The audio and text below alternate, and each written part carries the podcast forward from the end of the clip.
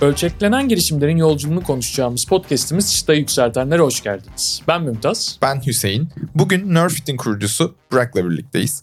Burak merhaba, hoş geldin. Hoş bulduk, selamlar. Bize biraz kendinden bahseder misin? Kimsin, ne yapıyorsun? Tabii 26 yaşındayım. Bir e-spor uygulaması sahibiyim Nerfit adında. Bununla birlikte Nerfit uygulaması içerisinde eğitimler yapıyoruz ve turnuvalar, etkinlikler organize ediyoruz. Bunun haricinde kişisel hayatımda daha çok oyun oynuyorum. Birazcık eve iş getiriyorum denilebilir. Bu ara ne oynuyorsun abi en çok? Bu ara çok fazla Fortnite Lego oynuyorum. Çünkü kız arkadaşım onunla vakit geçirmediğimi söyledi. Ben de ortak bir oyun buldum. Ama onun haricinde en çok oynadığım oyun This War of Mine. Bir savaşı halkın gözünden anlatıyor. Yani askerlerin gözünden değil halkın gözünden nasıl oluyor ve psikolojik kararlar vermen gerekiyor. İşte yaşlı bir kadının ilaçlarını çalacak mısın? İşte bir kadına tecavüz edilirken sen onu es geçip e, hırsızlık mı yapacaksın? Ben çoğunlukla kötü şeyleri yapıyorum ama oyunu kazanıyorum. E, ama psikolojik olarak çok büyük bir stres altında kalıyorsun. Çok güzel bir oyun. Bayağı enteresanmış bu arada. Evet, çok keyifli bir oyun. Ve tüm gelirlerini şey borç halde bağışlıyorlar. Bayağı enteresan. Şey vardı ya böyle yapay İyiymiş. zekayı e, etik kararlar verme konusunda eğiten bir web sitesi vardı. İşte bir tane tren geliyor. Hı hı. iki tane yaşlıyı mı essin yoksa bir tane genç hırsızı mı essin falan gibi. Onun enteresan bir formu olmuş. Ben bayağı sevdim. Ayrıca çok key- keyifli. Kesinlikle tavsiye ediyorum. İyiymiş. Peki Nerfit'e yolculuğun nasıl geldi? Nasıl Nerfit oluştu? Hı hı. Ve hani şu an Nerfit'te çalışmıyor olsaydın ne yapıyor olurdun? Nerf'e başlamamız aslında komik bir hikayeyle başlıyor. Nerf bir spin-off şirket öncelikle. The Academy'sin spin-off'u. The Academy'si kurarken ilk başta ben batacağım ve batmayı öğreneceğim diye kurdum. Dört sene batamadık. Çok keyifli geçti. Ama dördüncü senenin sonunda da çok güzel tecrübe ettim. Ve dördüncü senenin sonunda aslında Nerfit'i oluşturma kararı almıştık. Yani şirketi kapatmadan önce zaten Nerfit planlarımızda vardı. Çünkü Web3 sektörüne baktığımızda oyun sekt oyunlara baktık ve 20 milyon dolar, 30 milyon dolar, 70 milyon dolar yüzlerce proje yatırım alıyor ve ben birçoğunu denedim. Deneyince de şunu fark ettim. Benim ev hane sayım oyunun CCO'sundan daha fazla. Yani oyunu kimse oynamıyor ve, ve bu yatırımlarda ya ponzileşiyor, scam oluyor veya doğru ilerlemiyor. Biz de buradaki problemi keşfedip aslında dedik ki tamam biz o zaman Web2'den Web3'e oyuncu getirelim ve buradaki problemi çözelim. Buna bu şekilde atıldık. Hatta bununla ilgili ufak bir komik bir hikayem var. Animaco Brands diye Web3'ün büyük VC'lerinden e, birisi var. Orada Yatsuyu var e, oranın e, founder'ı. Co-founder'larından bir tanesi. Yatsu görüştüğümde 50 tane startup daha ona kendini introduce etmeye çalışıyordu. Haliyle ben de onu etkilemem gerekiyordu ama normal bir şekilde Nerf'te anlatınca çok sıradan olacaktı. Ben de şey dedim. Teşekkür ederim bana 20 milyon dolar kazandırdığın için sadece bir fotoğraf çekilmek istiyorum dedim. O da biz size yatırım mı yaptık dedi. Hayır senin sayende senin yarattığın problem sayesinde para kazanmaya başladım ve şu an her şey çok iyi gidiyor dedim. O şekilde böyle bir ilk etkileşim onlarla öyle yapmıştık. Eğer Nerfit olmasaydı ne yapardım? Muhtemelen yazar olurdum. Daha önce iki kitap yazdım. Çok seviyorum hani içimi dökmeyi. Muhtemelen yazar veya aktör o tarz bir şey olurdu. Abi sesi de aşırı etkileyici zaten. Ben de paralize oldum Burak'ın anlatışını. Net. Kendi kitabını seslendirse bir de bayağı etkili bayağı olabilirdi. Kaş. Böyle öyle ayrı bir podcast içinde evet. bir araya gelelim bence. Peki Burak bugüne kadar kaç yatırım turu tecrübe ettin? Ne kadar yatırım topladın? Başarılı mı başarısız mı? Hepsi. Kaç yatırım turu tecrübe ettiğim zamanında ilk başladığım zamanları da dahil ediyorum. Çünkü ilk başta başladığımda işte girişimcilikle alakalı web sitelerinde sürekli şeyi görüyordum işte. X projesi fikir aşamasında 100 bin dolar aldı, 500 bin dolar aldı, milyon dolar aldı. İlk onları gördüğümde şey dedim bir dakika ya benim de fikirlerim var ve hani bu iş bu kadar kolay gözükmemeli olmamalı. Değilmiş bu arada sevgili dinleyenler. Spoiler alert. Aynen yani kesinlikle değilmiş. İlk başta bir tura çıktık. Eski şirketten bahsediyorum. Orada çok fazla e, tura çıktık kapattık. Oradaki en büyük problemim şuydu. Söz meclisten dışarı diyeceğim de birçoğunda da içeri aslında. Türk Venture'ları çok ciddiye aldık. Yani dedikleri her şeyi çok ciddiye aldık. O yüzden birazcık yavaş veya yanlış hareket ettik. Belki de dediklerini sadece yanlış yorumladık bilmiyorum. Ama çok fazla vakit kaybettik. Yani herhalde bir 7-8 kere fuck diyebileceğimiz yani başarısız sonuçlanmış yatırım turumuz oldu. Tabii ki küçük yatırımlar aldık ama 50 bin, 100 bin o civarlarda. Nerfit tarafına gelecek olursak Nerfit aslında çok ilginç bir hikayeydi ki zaten sevgili Mümtaz Virkon ekibiyle de tanışmamız Nerf sayesinde olmuştu. İlk başta yaklaşık bir buçuk sene önce yatırım turuna çıktığımızda biz dedik ki tamam 1 milyon dolar değerlemeyle yatırım turuna çıkalım. 1 milyon dolar değerlemeyle kimse bize yatırım yapmadı. Ardından 5 milyon doları denedik. E, biraz ilgi arttı. 10 milyon dolar değerlemeyle çıktık. Yatırım almaya başladık. Şimdi 20 milyon dolardan almaya başladık ve hani böyle nasıl anlatabilirim bunu? Bir bak gibi bir şey aslında bu. Bir sanat olduğunu fark ettim yani yatırım e, tarafına. Tabii ki bu değerlendirmeler kafalara göre yapılmıyor onu da söyleyeyim de. Gazı, gazı gelip herkes 50 milyon dolardan çıkmasın yani. evet, evet yani hani 10 olmayınca 20'yi deneyelim. O çok doğru bir strateji değil. Çok ilgi olunca biz de haliyle işte benchmarkımızı yaparak değerimizi arttırdık. O yüzden keyifli bir süreç oldu diyebilirim. Yani başarılı olduğunu düşündüğüm iki turum oldu. Başarısız olduğunu düşündü başarısız olduğu belli olan da herhalde 15 15 tane falan olmuştur. Ama, ama en azından denedik diyebilirim. Evet orada böyle bir şey delusional bir algıdan objektifliğe çok hızlı bir geçiş oldu. evet. Valla ben o kısmında deneyimleme fırsatı buldum. En azından delusional olmayan taraf için son yatırım turları baya keyifli gidiyor. Ve çok ani de gelişiyor. Abi imzalamamız lazım iki saatimiz var falan seviyesine gidiyor Burak'la. Ama bizim yatırım turlarındaki ilginç olan nokta şu. Mesela dün de öyle oldu. Ben yine senin ekip arkadaşını sabahleyin rahatsız etmeye başladım. Çünkü... Sen parayı bul da biz okeyiz abi sorun yok. Eyvallah. Çünkü şu şekilde oluyor. E, genellikle benim yatırımcılarım MENA bölgesinden oluyor ve işte gerek nargile kafe gerek bir akşam ağır bir yemekle oluyor ve e, konu şu şekilde oluyor. Aa tamam işte biz o zaman 100 bin dolar yatırım yapalım, 200 bin dolar yatırım yapalım.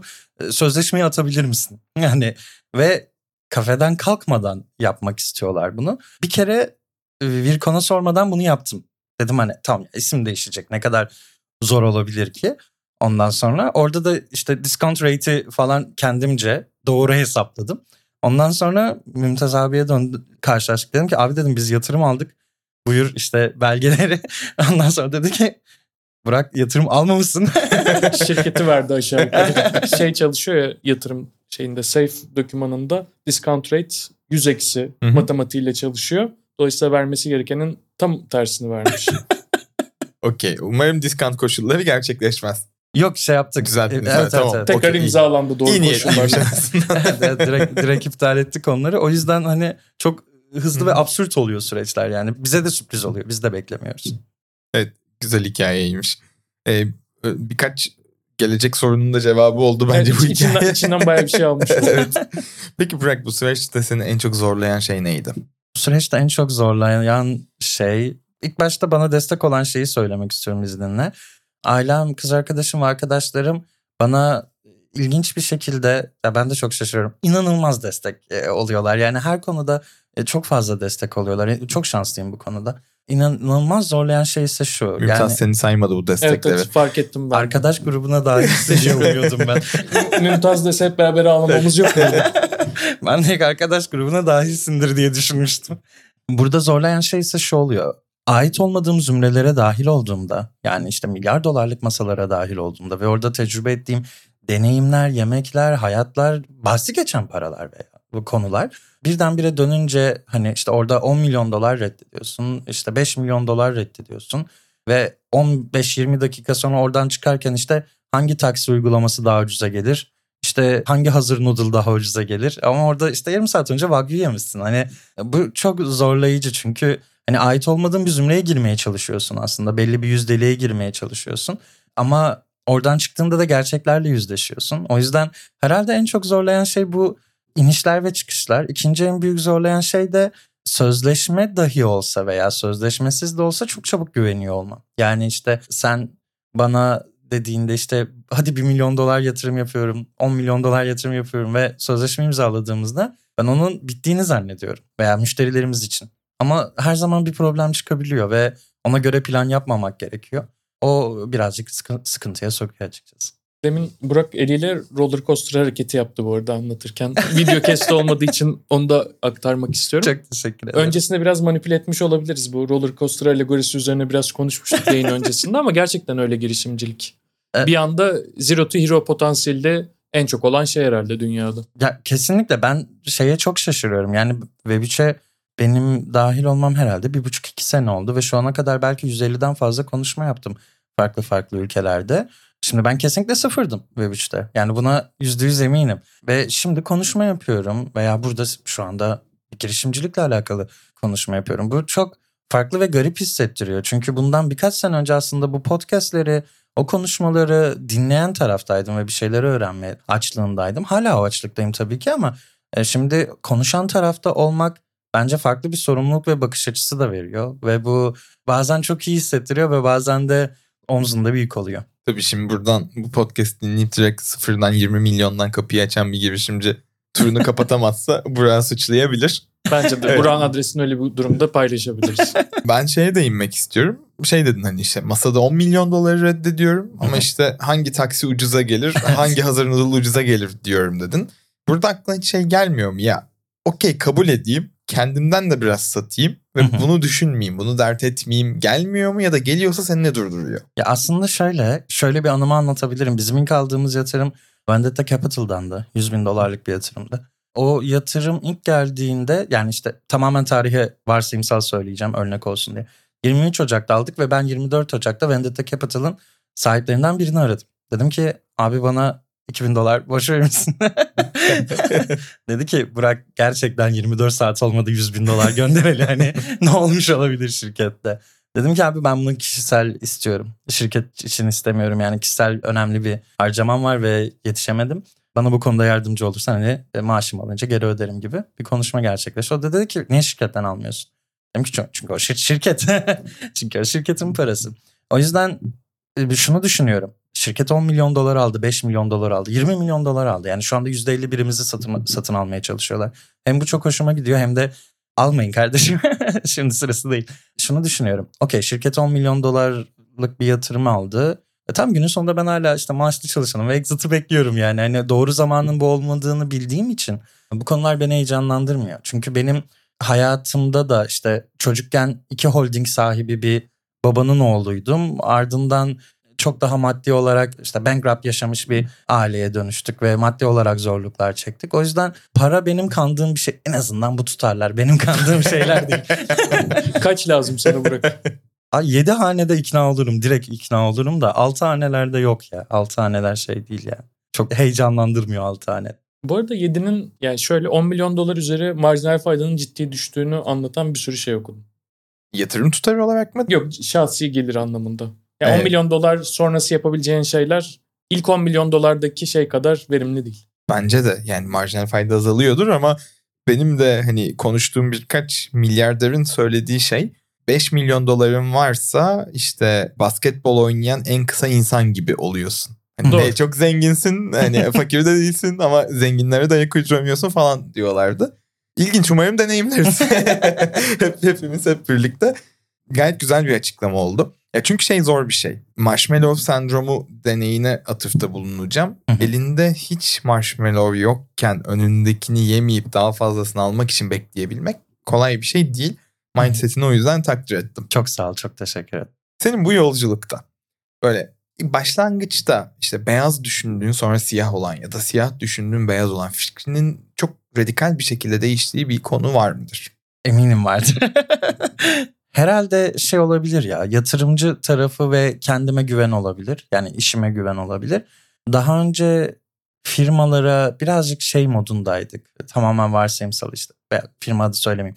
X firmasıyla anlaşma yapacağımız zaman tamam işte fiyatları düşürelim. X firmasını alalım. Bu bizim için çok önemli. Hani çok büyük bir heyecan ve yani X firmasıyla çalışmanın paradan daha değerli olduğunu düşünüyordum. Ardından çok fazla X firmasıyla çalışınca hayır ya para daha değerli ve runway'lerimiz daha önemliye gelmiş oldum. Yani aslında en başta prestij kesinlikle büyüktür runway'den diyordum ama şimdi runway büyüktür prestijden diyen bir mindset'e geldim. O olması olur muydu Burak peki? O prestijli firmalar olmasa runway'i uzatabilecek parayı kazanabilir miydin? O çünkü büyük bir döngü aynı zamanda. Ya bence bu bir dilemma. O yüzden yine başlasam ilk başta kesinlikle yine taviz veririm. Ama ikinci tavizi ver. Ya bir X firma güzel bir case yeterli bence. Hani ikinci bir tavize, ikinci bir prestijli firma şeyi için sınırlarımı genişletmezdim. Öyle söyleyebilirim. Ama ilki için her zaman gerekiyor. Ve kendimi de küçük görmemeyi öğrendim açıkçası. Yani yaptığım işin fayda sağladığını inanıyorsam ki bir tane çalıştığımız firmanın per user cost'unu 300 dolardan 25 dolara düşürdük. Şimdi bu bana büyük gelmiyordu. Ardından diğer firmalarla görüşünce ve biz normalde 4 haneli 5 haneli fiyatlarla fiyatlandırırken onlar 6-7 haneliye çıkınca bir dakika ya biz sanırım çok büyük bir çözüm bulduk ve hani dünyanın bu çözüme ihtiyacı var. Yani işin pazar tool olarak söylüyorum bunu tabii. Bunun ihtiyacı var dedik. O e, ilginçti. İkinci olarak da şunu ekleyebilirim yatırım tarafında. Biz VC'lerdeki insanların hepsinin yani hani founder'ı, çalışanı her dediğini çok fazla ciddiye alıyorduk. Yani onun onların dediği eleştirilemez veya üstüne düşünülemez gibi düşünüyorduk. Yani sen bir şeyi beğenmediysen VC olarak evet biz yanlış yapmışızdır. Neden? Çünkü sen 50 kere 100 kere yatırım yaptın. Ama artık VC'lerle konuşurken şey soruyoruz işte kaç unicorn'un var? Daha önce kimlere yatırım yaptın? Birazcık daha masada aslında tamam da biz senin için potansiyel kazancı sen benim için müşterimden biraz daha fazla para veren birisine geldik. Bu da çok değerli bir öğreti oldu bizim için. Tabii ki de çok değerli feedbackler alıyoruz ama hepsinin de değerli olmadığını yani fikir olarak söylüyorum insan olarak değil. Hepsinin de fikir olarak değerli değerli değil eleştirilebilir üstüne hani farklı şeyler katılabilir olduğunu öğrenmiş olduk. Bu konu yani bence önemli bir konu. İki, ikiye böleceğim. Birincisi gerçek değerinin farkında olmak. Şimdi benim girişimcilerde gördüğüm en büyük zaaf kendini olduğundan çok iyi sanması ya da gerçekten iyi bir şey yapanların da bunu fark edemiyor olması. O yüzden bence bu önemli bir şey. Şey ayrı bir konu. Kendi değerini biliyorsundur o satışı yapmak için yukarıdan ya da aşağıdan açıyorsundur kapıyı. Bunlar ayrı konular. Ama bence bu önemli bir şey. Mesela şöyle bir case yaşadım. Yatırım turu için çalıştığım bir girişimci Türkiye için büyük sayılabilecek bir tutarlar raise ediyor. Başka bir girişimci arkadaşıyla konuşurken diyor ki senin ürünün değeri bu. Yani senin sandığın 2-3 katı bunu bence sen göremiyorsun bu konuda biriyle tanış deyip işte bana yönlendirmiş. Belki fazla içeride kalmanın etkisi. Mümtaz bunu sen de görüyor olabilirsen dışarıdan dahil olan ve işte 300'e yakın yatırım turu deneyimledin. Belki sen de benzerini fark ediyor olabilirsin. Bu bence girişimciler için önemli bir konu.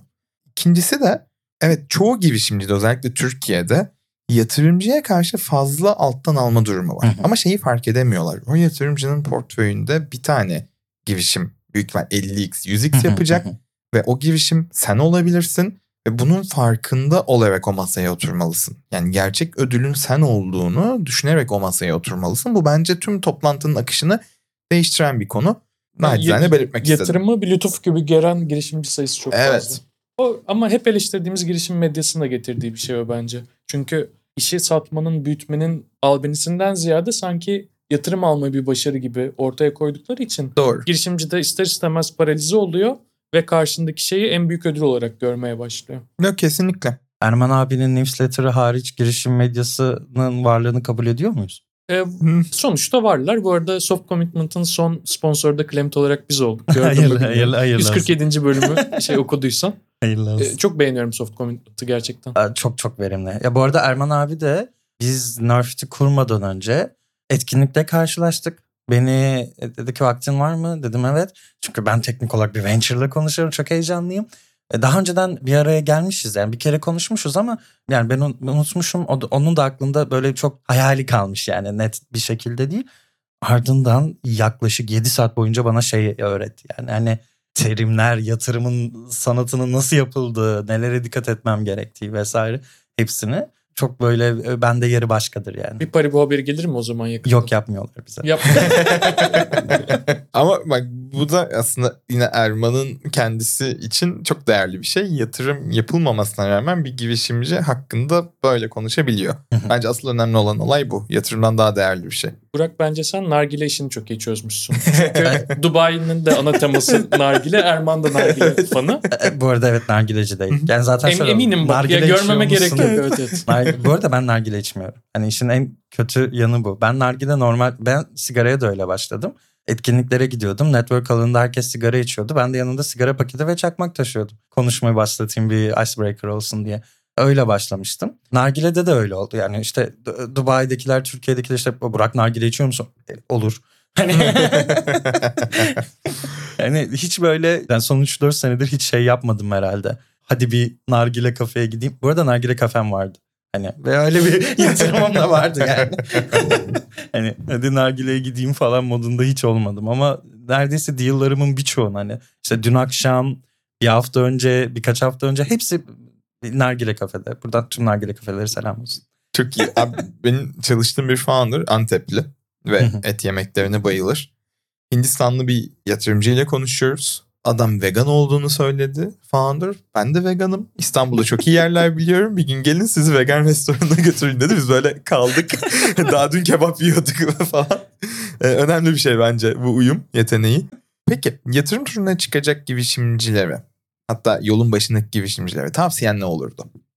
Öncelikle kesinlikle bol bol doğru insan ve network edinmeye değer versinler. Yani İngilizce'de bir söz var ya network diye. Bu kesinlikle doğru. Yani işte daha demin verdiğimiz örneklerin hepsi aslında bizim network'ümüzün içerisinde gelişen örnekler oldu. Yani yatırım almalar, müşteriler hepsi bunun içerisinde oldu. O yüzden etkinliklere gittiğinde gerçek manada herkese merhaba deyip el sıkışmak o kadar değerli ki ve kendini doğru ifade edebilmek. Ve ikincisi de boşa ne karşıdakinin ne kendinizin zamanını lütfen öldürmeyin. Yani biriyle bir şey olmayacaksa eğer fiziksel etkinlikte veya toplantıda fiziksel etkinlikte 3 dakikadan fazla lütfen konuşmayın. Yani 2 dakika 3 dakika birbirinizi tartmanız için yeterli. O, o sırada yeni insanlarla tanışabilirler. Bu bence çok önemli ve çok değerli. Bunun haricinde de dediğim gibi ne kendilerini küçük görsünler ne üstten baksınlar ve en önemlisi de bence o bizim başımıza çok geldi. Hiçbir yatırımcıyı küstürmesinler. Yani uygun olmasa bile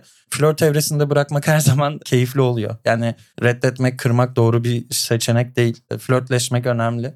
Bunun haricinde aylık updates'lerin de biz değerini çok fazla gördük. O konuda da kesinlikle bir bilene danışmalılar. Harika. Abi peki sana bir imkan veriyoruz. Bütün dünyadaki herkes senin söyleyeceğin kitabı okuyacak ya da söylediğin oyunu oynayacak. Bu hangi kitap ve hangi oyun olur? Eğer daha deminki kısım yayınlanacaksa bir kitap önereceğim de. Şimdiki benim önereceğim kitap kesinlikle iktidar olur. John Green sanırım. Robert Green. Robert Green, Robert Green. İktidar olur, iktidarın 48 kuralı. Bence o kitap tam olarak kötü bir insan olmayı anlatıyor. Yani çok güzel bir kötü bir insan olmayı anlatıyor. Tabii kime göre kötü o da tartışılır ama o kitap bana şunu çok güzel öğretti. Yani sokakta veya insan ilişkilerimde, iş ilişkilerimde kimin neyi neden yaptığını çok güzel öğretti. İyi veya kötü anlamda. Ee, insanların hangi karakterde olduğunu ve iletişimi çok güzel öğretti mi? Yani birazcık B2B kitap olarak muhtemelen onu öneririm. Ama ben daha çok oyun önermeyi tercih ederim burada. O yüzden This War of Mine diyeceğim orada da. Yani oradaki kararlar ve yaptığınız hareketler kişiliğe çok önem veriyor. Yani benim annem oynarken ağlamıştı mesela çünkü kör birinin ilaçlarını çalmıştı.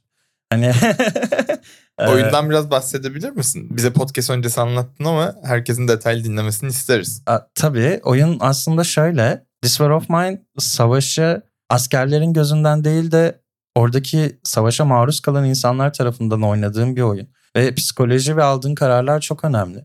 Bu oyunda kararları alırken tüm her şeyde serbestsin. Yani bir, bir kadın orada taciz ediliyorken sen markette bir eşya çalabiliyorsun. Ya da kapına iki tane bebek geliyor, şey çocuk geliyor.